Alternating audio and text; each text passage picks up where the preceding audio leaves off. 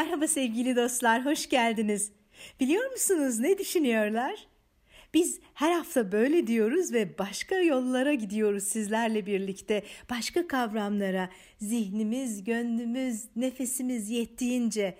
Kavram bitmez, bizde yolculuk da bol, ömürler bile belki buna yetmez. Ama devam diyoruz. Bu haftaki konumuz ise kadın. Kolay mı kadını anlatmak? Kadının nasıl durduğunu, nasıl durması gerektiğini, nelere ihtiyaç duyduğunu, algılarımızı, yaşadıklarını ve yaşatabileceklerini aktarmak. Ben de bir kadınım sonuçta.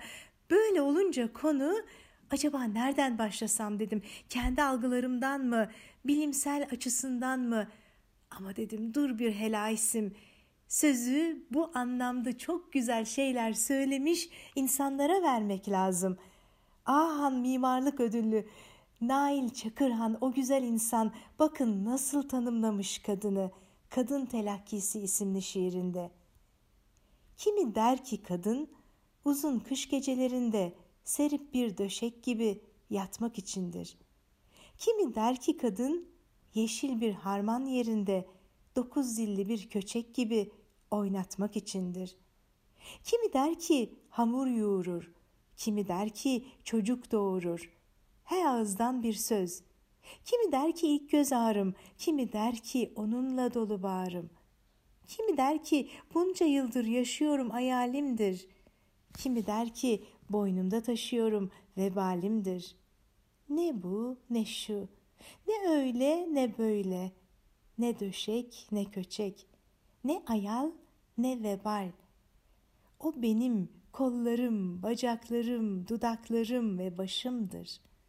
Yavrum, anam, öz kardeşim, karım, hayat arkadaşımdır. Böyle dedi Nail Çakırhan ve bize kadını düşündürttü tekrar. Kadın kimdir? Kadın erkek diye ayrıma gittiğimizde insan algısından da mı uzaklaşıyoruz acaba? O kadar çok söylenecek söz var ki bütün sözleri ben söylemeyeyim elbette. Bu konuda çokça güzel sözleri biriktirmiş ve bizlerle paylaşacak dostlar var burada çünkü. O dostlardan birisi de Ercüment Çervatoğlu, Fındıklı Belediye Başkanı. Yaptığı iş bu da bir insanı kişi olarak tanımak lazım. Onun özeline bakmak lazım. O kendini bize şöyle tanıtıyor. Önce insanı, sonra doğal yaşam ve canlı türlerini, aydınlık yarınlarımız için mücadeleyi önemseyen birisi olarak. Ben onu dürüst, sağlam duran, ilkeli, özüne, sözüne güvenilir bir kişi olarak tanımlıyorum. İlk tanıdığım andan bugüne bir gün değişmedi bu yorumum. Ve tesadüfler beni tanıştırdı onunla, iyi ki de tanıştırdı. Öyle bir dost, öyle güzel bir yürek edindim ki yaşamımda. Üstelik ben onun hemşerisiyim. Ben İstanbul doğumluyum. Yok yok yalan söylemiyorum. Ben aynı zamanda Fındıklı'nın hemşerisiyim çünkü Fahri hemşerisiyim. Gurur duyuyorum. Ve galiba her geçen gün biraz daha fazla Fındıklılı oluyorum İstanbullu olmaktansa. Peki şimdi söz Ercüment Çervatoğlu'nda. Bakalım o nasıl tanımlayacak kadını bizim için.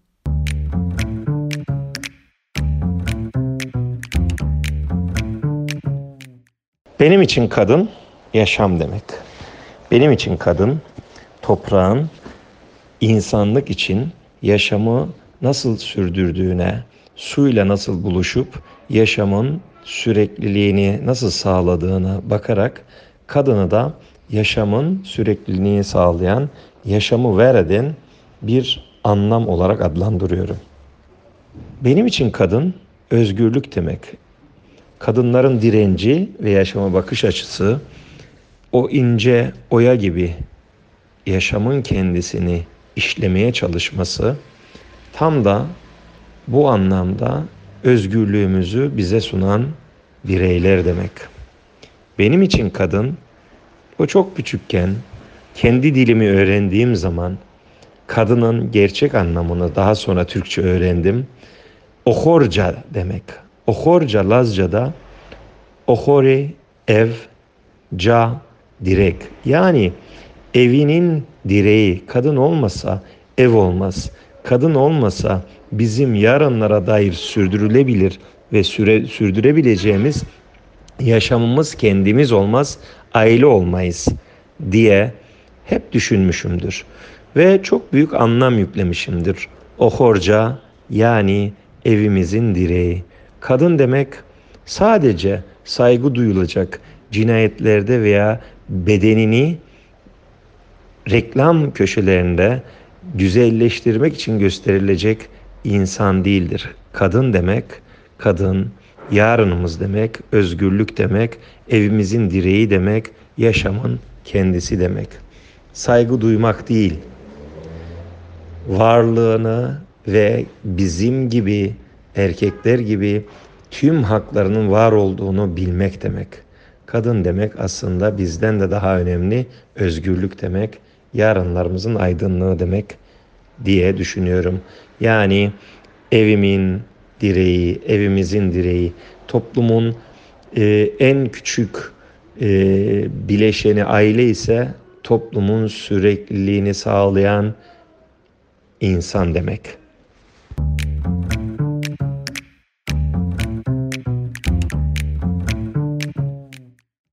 Kadın, sevgili kadın, evimizin direği, gönlümüzün sultanı olan sevgili kadın. Ne çok şekilde ifade edilebilir, ne çok şekilde algılanabilir. Kim bilir bizler neler yapıyoruz hayat içerisinde kadınla ilgili kadına dair ve nasıl tanımlıyoruz onu kim bilir. En güzel tanımlardan birisi de Mustafa Kemal Atatürk'e ait. Yeryüzünde gördüğümüz her şey kadının eseridir diyor. Onun yaratıcılığı, onun farklılaştıran varlığı, onun kattıkları ölçüsüz değeri. Bir başka güzel ifade de Şemsi Tebrizi'nin kadın bilmeyene nefs, bilene nefestir diye ifade ediyor. Kim için nefs, kim için nefes acaba kadın? Nefessiz yaşanır mı bu hayatta? Onsuz olunur mu hiç? Onun değeri ölçülebilir mi başka bir şeyle? Kadın erkek ayırımı yapmadan insan desek ve insanı kucaklasak keşke. Bir rahmet anmalıyız şu anda. Bekir Coşkun o kadar güzel ifade etmişti ki kadının olmadığı bir ortamın nasıl öksüzleştiğini. Hani onun yazdıklarından bir parça alayım dedim ama gönlüm dayanmadı çünkü haksızlık etmiş olacaktım. Tümünü aldım. İnşallah benim okumama sabrınız dayanır. Kadınlar bir gün çekip gittiklerinde peşlerinde yetim öksüz kalan çok olur. Mutfaktaki dolap, perdeler, kavanozun içindeki eski düğmeler, özenle saklanmış küçük giysiler, dolap diplerindeki kurdeleler. Çekmecenin dibinde artık kimsesizdir eski tarak. Sabah karanlığında mutfaktan gelen tıkırtılar susar. Yetim kalmıştır tabaklar. Bir kadın gittiğinde hep suyu unutulur saksıların. Sık sık boynunu büker sarı kız. Teki kalmış o eski bardağın anlamını bilen olmaz. Değerini kimse anlayamaz krom haçtasının. Balkon artık sessizdir. Koridor kimsesiz. Bir kadın gittiğinde.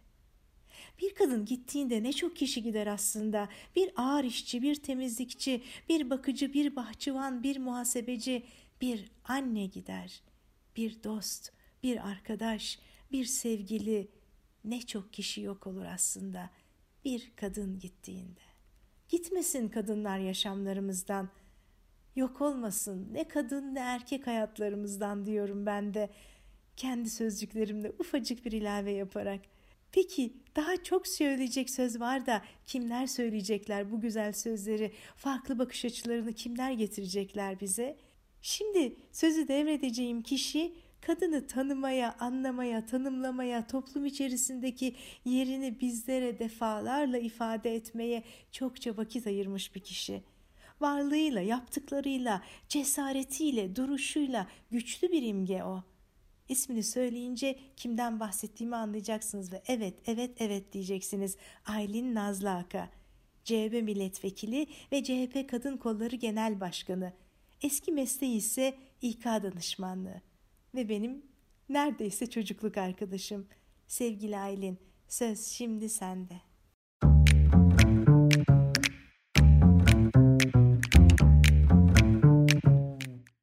Kadınların benim için ne ifade ettiğini iki kelimeyle anlatacak olsam azim ve mücadele derim. İnsanlık tarihi kadınların verdikleri mücadeleler sonrasındaki edindikleri birçok kazanımlarla doludur. Neden mi? Çünkü yüzyıllardır ahlak, sosyokültürel yapı ve siyaset tarafından kadın kimliğine yön verilmeye ve kadınlar belirli kalıplara sokulmaya çalışılıyor.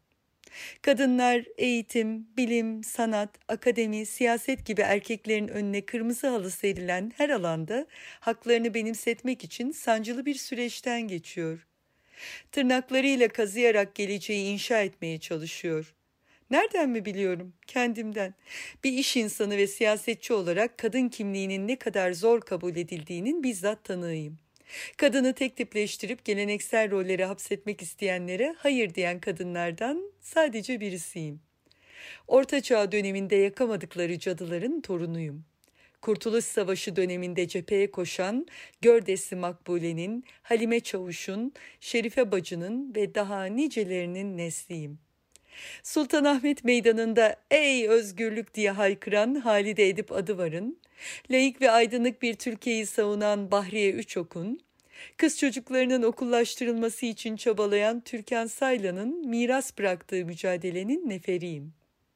Atatürk ilke ve devrimlerine sımsıkı bağlı olan bir kadın olarak hayatın yanlış giden akışını değiştirmek için çabalayanlardanım. Bu mücadele yolunda da yalnız değilim.'' Birbirine görünmez iplerle bağlı olan tüm kadınlarla bir ve beraberim. Biz kadınlar her birimiz haklarımızı direne direne kazanacağımızı çok ama çok iyi biliyoruz.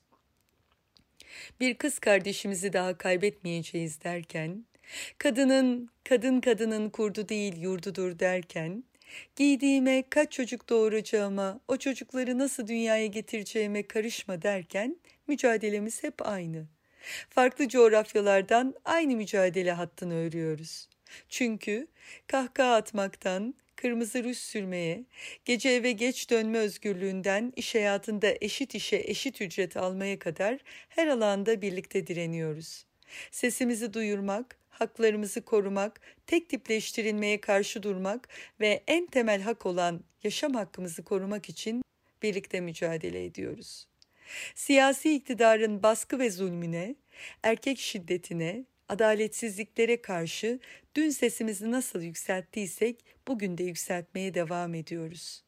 Korkmuyoruz, susmuyoruz, sinmiyoruz ve biliyoruz ki mutlaka kazanan biz olacağız. Sevgiler.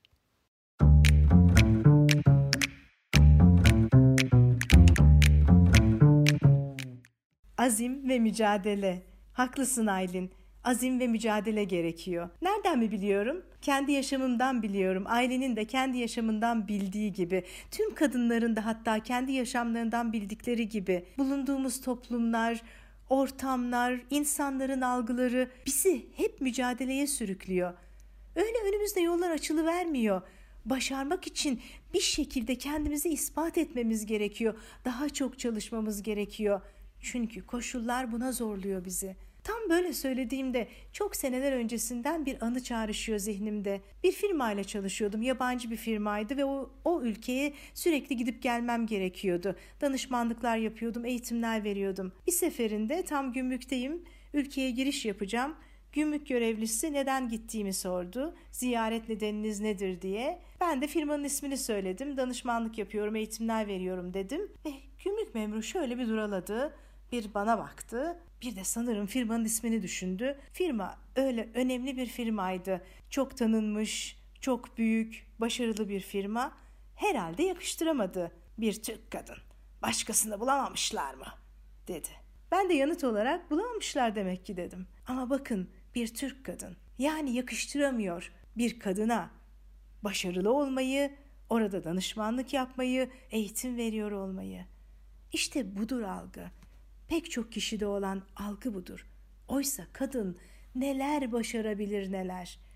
Mesela Türkiye Cumhuriyeti'nin ilk kadın milletvekillerinden Satı kadını, tiyatro sahnesine çıkan ilk Müslüman Türk kadını Afife Jale'yi, ilk kadın karikatürist Selma Emiroğlu'nu, ilk Türkçe tangoyu seslendiren kadın ses sanatçısı Seyyan Hanım'ı ve daha nicelerini bir çırpıda anabiliriz. Daha da çok gelecektir, daha da çok vardır. Eksikler çoktur bu listede hem de ne çok. Ama onlara eşit haklar verildiği durumda, onların varlığına saygı duyulduğu durumda ve siz de varsınız denildiği durumda bu mümkündür. O zaman ben şimdi biraz susayım ve kadına verdiği değerden, önemden son derece emin olduğum bir erkeğe vereyim ben sözü.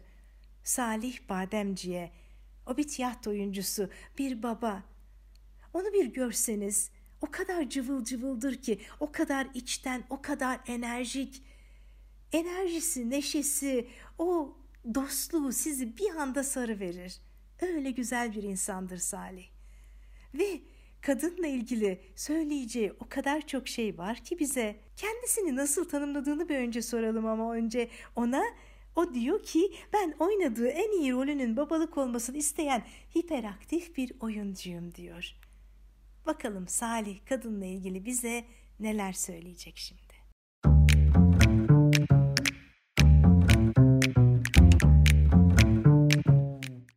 Herkese merhabalar. Ee, ben bu konuşmada kadın kelimesini ve kadın temasını biraz açmaya çalışacağım. Bununla ilgili ne anlatabilirim diye düşünürken e, birazcık daha romantik yaklaşmak istedim. Yani dedim ki kadın kelimesi bana ne ifade ediyor? Kadın kelimesi bana ne çağrıştırıyor? Kadın kelimesi bana ne hissettiriyor? diye düşünürken bir anda benim aklıma eş kelimesi geldi. Çünkü e, ben evli bir erkeğim ve benim eşim bir kadın. e, ve eş kelimesi üzerine düşünürken fark ettim ki aslında bunun çok güzel iki kullanımı var. Bir tanesi bana eş, diğeri bana eş. Yani biri bana eşlik eden, diğeri bana eşit olan. Sonra bunu düşünürken bir anda eşitlik üzerine düşünmeye başladım. Ee, eşitlik, kadın erkek eşitliği. Baktım ki konu gerçekten e, çok büyük e, ve ben daha spesifik bir konuya değinmeliyim. Onu hissettim e, ve aslında biraz daha kelimelere bakmak istedim. Kadın kelimesi neymiş? Kadın kelimesi nereden türemiş? Fark ettim ki katundan türemiş. Katun kadın olmuş. Katun K harfin H'ye dönüşmesiyle hatun olmuş. Sonra e, bunu araştırırken fark ettim ki son dönemde kendini duyarlı atleden erkeklerin bile misal ben gibi düştüğümüz e, bir hata var, bir yanlış var e, ve artık bu neredeyse kadınlar tarafından bir hakaret olarak algılanıyor. O kullanım da şu bay ve bayan. Araştırdım nedir bunu yanlış kılan, e, bunun kadınlar tarafından bu kadar tepkiyle karşılanmasının sebebi nedir diye. Bay kelimesine baktım. Bay kelimesi bayağı Orhun yazıtlarına kadar giden bir kelimeymiş. Yani e, çok eski bir kökeni var kelimenin ve anlamı da zengin, varlıklı, soylu anlamına geliyormuş. E, sonra şunu gördüm ki biz baydan bir de bayan türetmişiz. Peki, peki bunu neden yapmışız? Bunu şu yüzden yapmışız. E, soyadı devriminden sonra biz de efendi, beyefendi, e, hazret, bey, hanım, hanımefendi gibi kelimeler yasaklanmış. Kullanılması istenmemiş. Çünkü bunlar toplumsal eşitlik kavramını zedeleyen kelimeler. Evet kimse kimsenin beyi değil, kimse kimsenin hazreti değil, kimse kimsenin efendisi değil çünkü. Çok doğru. Peki bunun yerine bir şeyler koymak istemişler. O zaman da demişler ki tıpkı Fransızcadaki e, Monsieur, Madame gibi e, bir kullanım bulmalıyız. Ya da Lady, Gentleman gibi İngilizce'deki. Buna da bay ve bayanı koymuşlar. Aslında anlam olarak baktığınızda belki cinsiyet içermiyor. Zengin, varlıklı ve soylu demek. Ama bayanın baydan türetilmesi var. Bu konu evet biraz duyarlılık istiyor. Çünkü şu anda cinsiyet eşitsizliğinin bunca yaşandığı bir toplumda kadınlar kadın kelimesine sahip çıkmak istiyorlar. O yüzden bayan milli voleybol takımını kadın milli voleybol olarak kullanmak istiyorlar. Bu eşitliği yaratmak istiyorlar. Bu eşliği sağlamak istiyorlar. Ve bu çok haklı bir istek. Ve biz erkeklerin evet bu konuda duyarlı olmamız gerekiyor. Peki bu konuyu araştırırken bir de şunu fark ettim. Aslında bunca cinsiyet eşitsizliğinin yaşandığı toplumumuzda kullandığımız güzel Türkçemizde bu cinsiyet eşitsizliğini taşıyan kelime neredeyse yok. Cinsiyet eşitsizliğini taşıyan kelimeler mesela müdür, müdüre ya da kendi mesleğim aktör, aktrist gibi kelimeler yabancı dillerden devşirdiğimiz kelimeler. Türkçemizde tekrar söyleyeyim bu cinsiyet eşitsizliğini içeren kelimeler ya yok ya da yok denecek kadar az. Tam araştırmadım maalesef bunu o kadar bilmiyorum. Ve şunu fark ettim. Aslında bizim dil bilimsel olarak eşitliği sağlamak için daha almamız gereken çok yol var ve dikkat etmemiz gereken çok kelime var. Çünkü insan konuştuğudur aslında, söylediğidir. Ee, buna değinmek istedim. Ee, hepinizi saygıyla, sevgiyle kucaklıyorum. Kendinize iyi bakın.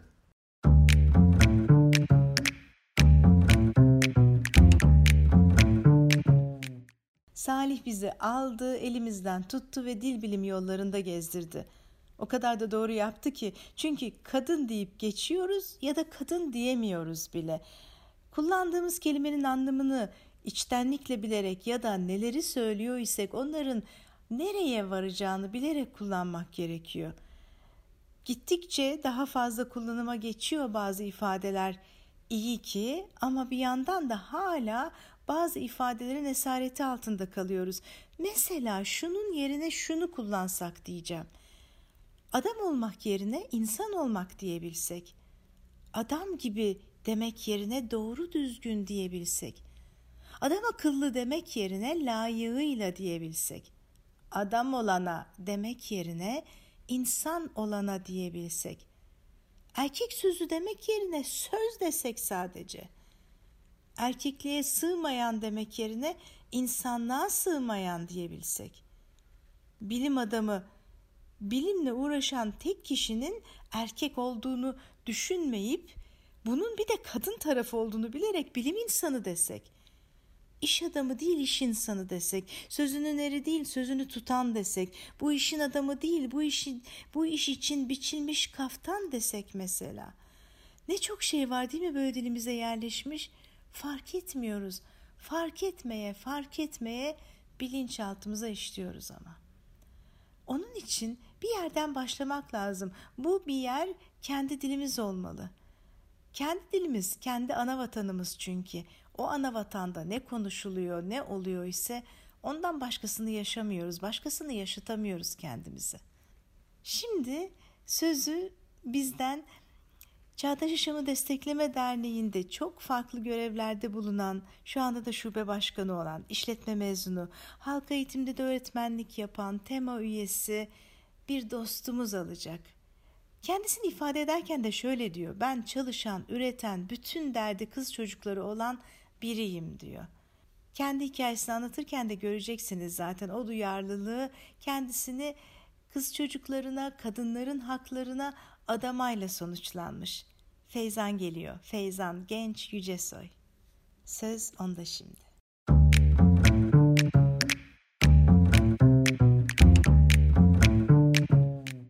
Kadın konusu aslında düşününce çok basit ama çok da kapsamlı, çok geniş bir konu. Aklıma bir sürü şey geldi söylemek için. Ama tam ertele, tam anlatabilir miyim, tam ifade edebilir miyim diye düşünmedim değil aslında. Yıllar önce gittiğim bir e, gezide bir müzeye girmiştik. Orada bereket tanrıçası Kibele'yi görmüştüm. Çok etkilenmiştim. Muhteşem bir şeydi çünkü.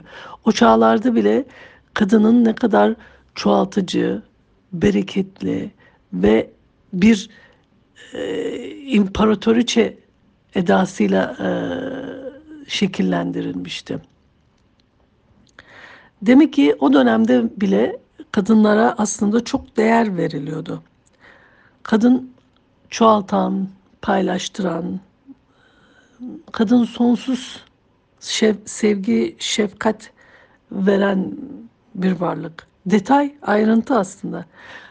Kadın güç öyle bir güç ki düşünün İslamiyet'te Allah cenneti kadınların ayağının altına sermiş.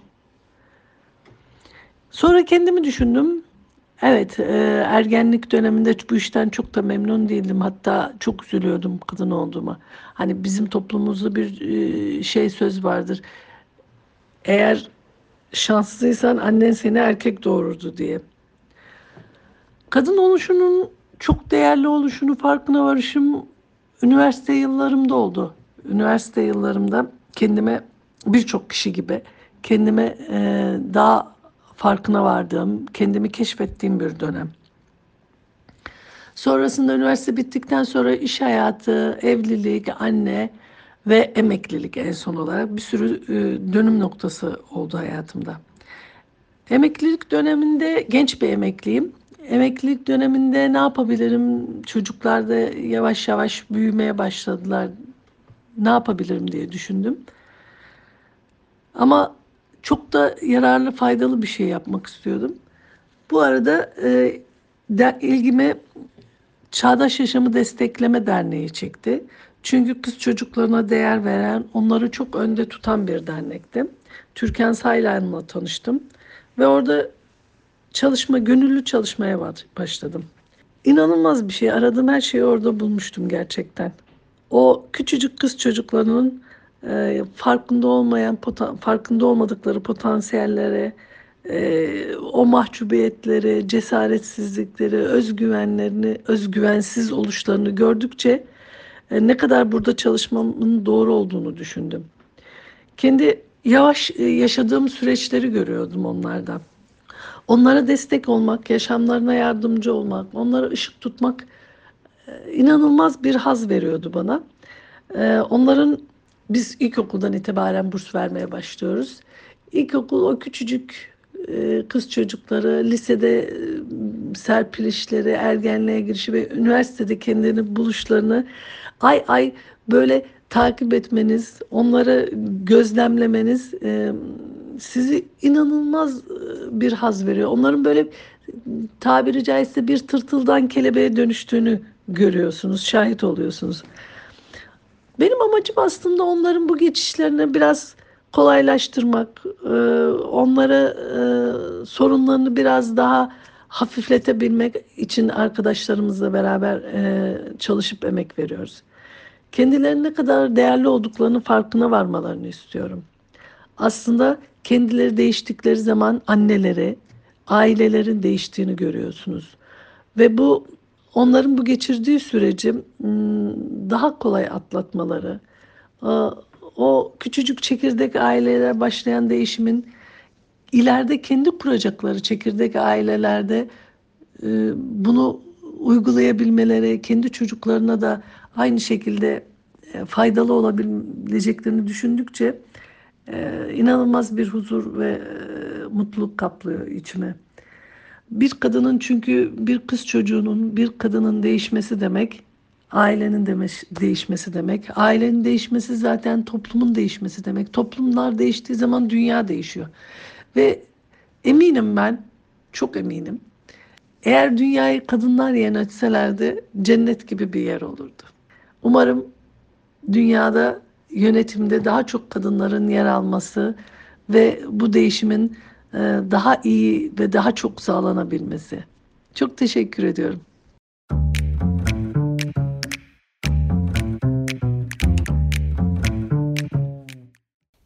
İyi ki, iyi ki Feyzan gibiler var. Feyzan gibi yürekli, kendisine adamış insanlar var ki bu konuyla uğraşıyorlar bu konuyu çözmeye çalışıyorlar, yardım elini uzatmaya çalışıyorlar, farklılaştırmaya çalışıyorlar.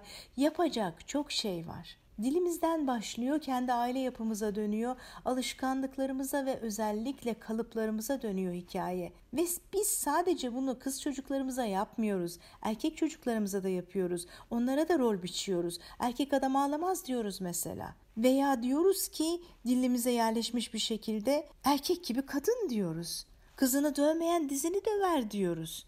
Karı gibi gülmek diyoruz, karı gibi kıvırtmak diyoruz, elinin hamuruyla diyoruz, kız başına diyoruz, diyoruz ha diyoruz. Rollerini biz biçiyoruz. Sonra da diyoruz ki bunları değiştirelim. E değiştirmek o zaman dilimizden, ailemizden, eğitim sistemimizden yani bizden başlıyor. Bunu değiştirecek olan yine biziz. İyi ki varlar. Daha çok olmalıyız. Daha çok olalım ki bu dünyada değişimi yaratabilelim. Kadın erkek hakkı değil, insan hakkından bahsedebilelim. Şimdi sözü bir başka dosta vereceğim. O başka dost da bir erkek olarak kadına nasıl baktığını anlatsın bize. Hayranlığını anlatsın.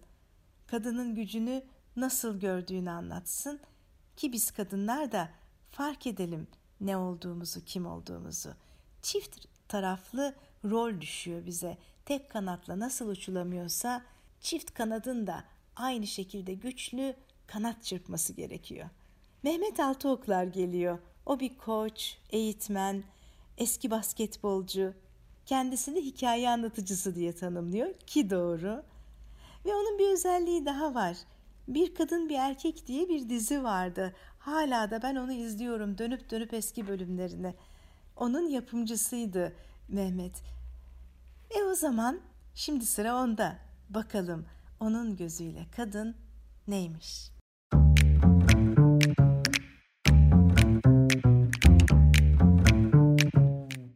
Kadın kelimesinin bana çağrıştırdığı ilk şey neşe ve yaşam coşkusu oluyor. O coşku bazen ateş gibi gelir, bir dokunur yanarsın. Nasıl ki elinde tutamazsın, bir kalıba sokamazsın ateşi öyledir kadın. Belki de o nedenle anlaşılmaz gelir insanlara. Su gibidir kadın.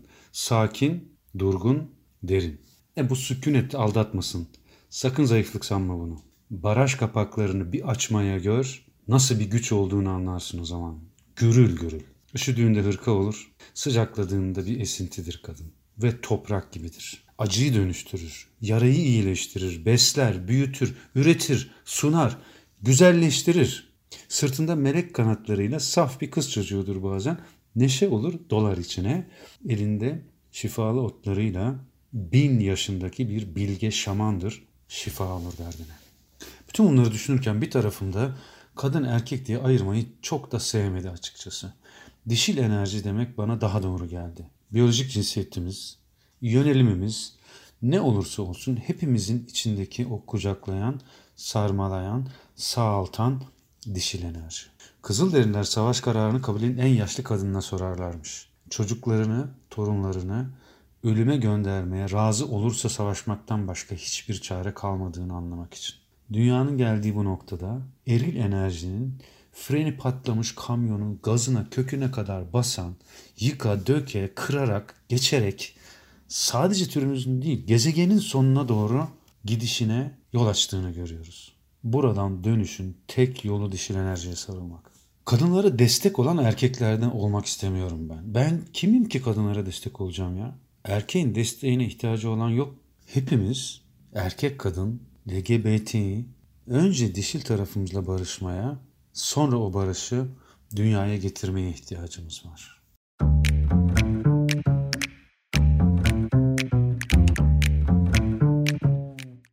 Çok iyi geldi Mehmet. Kadının bu şekilde tanımlandığını duymak. İyi hissettirdi. Kadın olmak. Kadın olmak güzel, ayrıcalıklı, farklı bir şey. Keyfini çıkarmak gerekiyor enerjisini yaymak gerekiyor. Ümitsizliğe de düşmemek gerekiyor. Çünkü bir sözü var Viktor Frankl'ın bayıldığım bir sözü diyor ki yaşam bir dişçiye gitmeye benzer diyor. Her an daha kötüsünün henüz yaşanmadığına inanırsınız. Oysa zaten yaşanmış bitmiştir. O zaman yarınlar daha güzel olacak diyelim mi? Bence diyelim. Sadece kadınlar için değil, kadınlar, erkekler tüm dünya için daha güzel bir yarın olsun. Sevgiyle kalın, hakkaniyetli ve güzel günlerde olun hep olur mu?